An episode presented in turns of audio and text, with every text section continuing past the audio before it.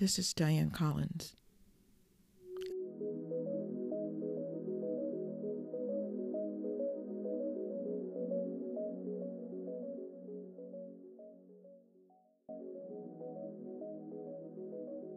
Of the blue.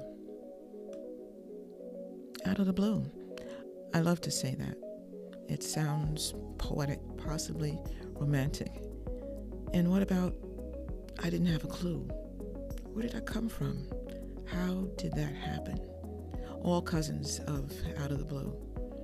I'm beginning to think appearances, events, happenings assigned to that Out of the Blue are more precision planned than anything. Something was sent out or done that assured something was going to come back, whether it shows up in the next minute or the next 20 years. Out of the blue arrivals have a trace. No matter how fine, there's always a trace. Depending on what arrives from out of the blue, I've got to give myself credit.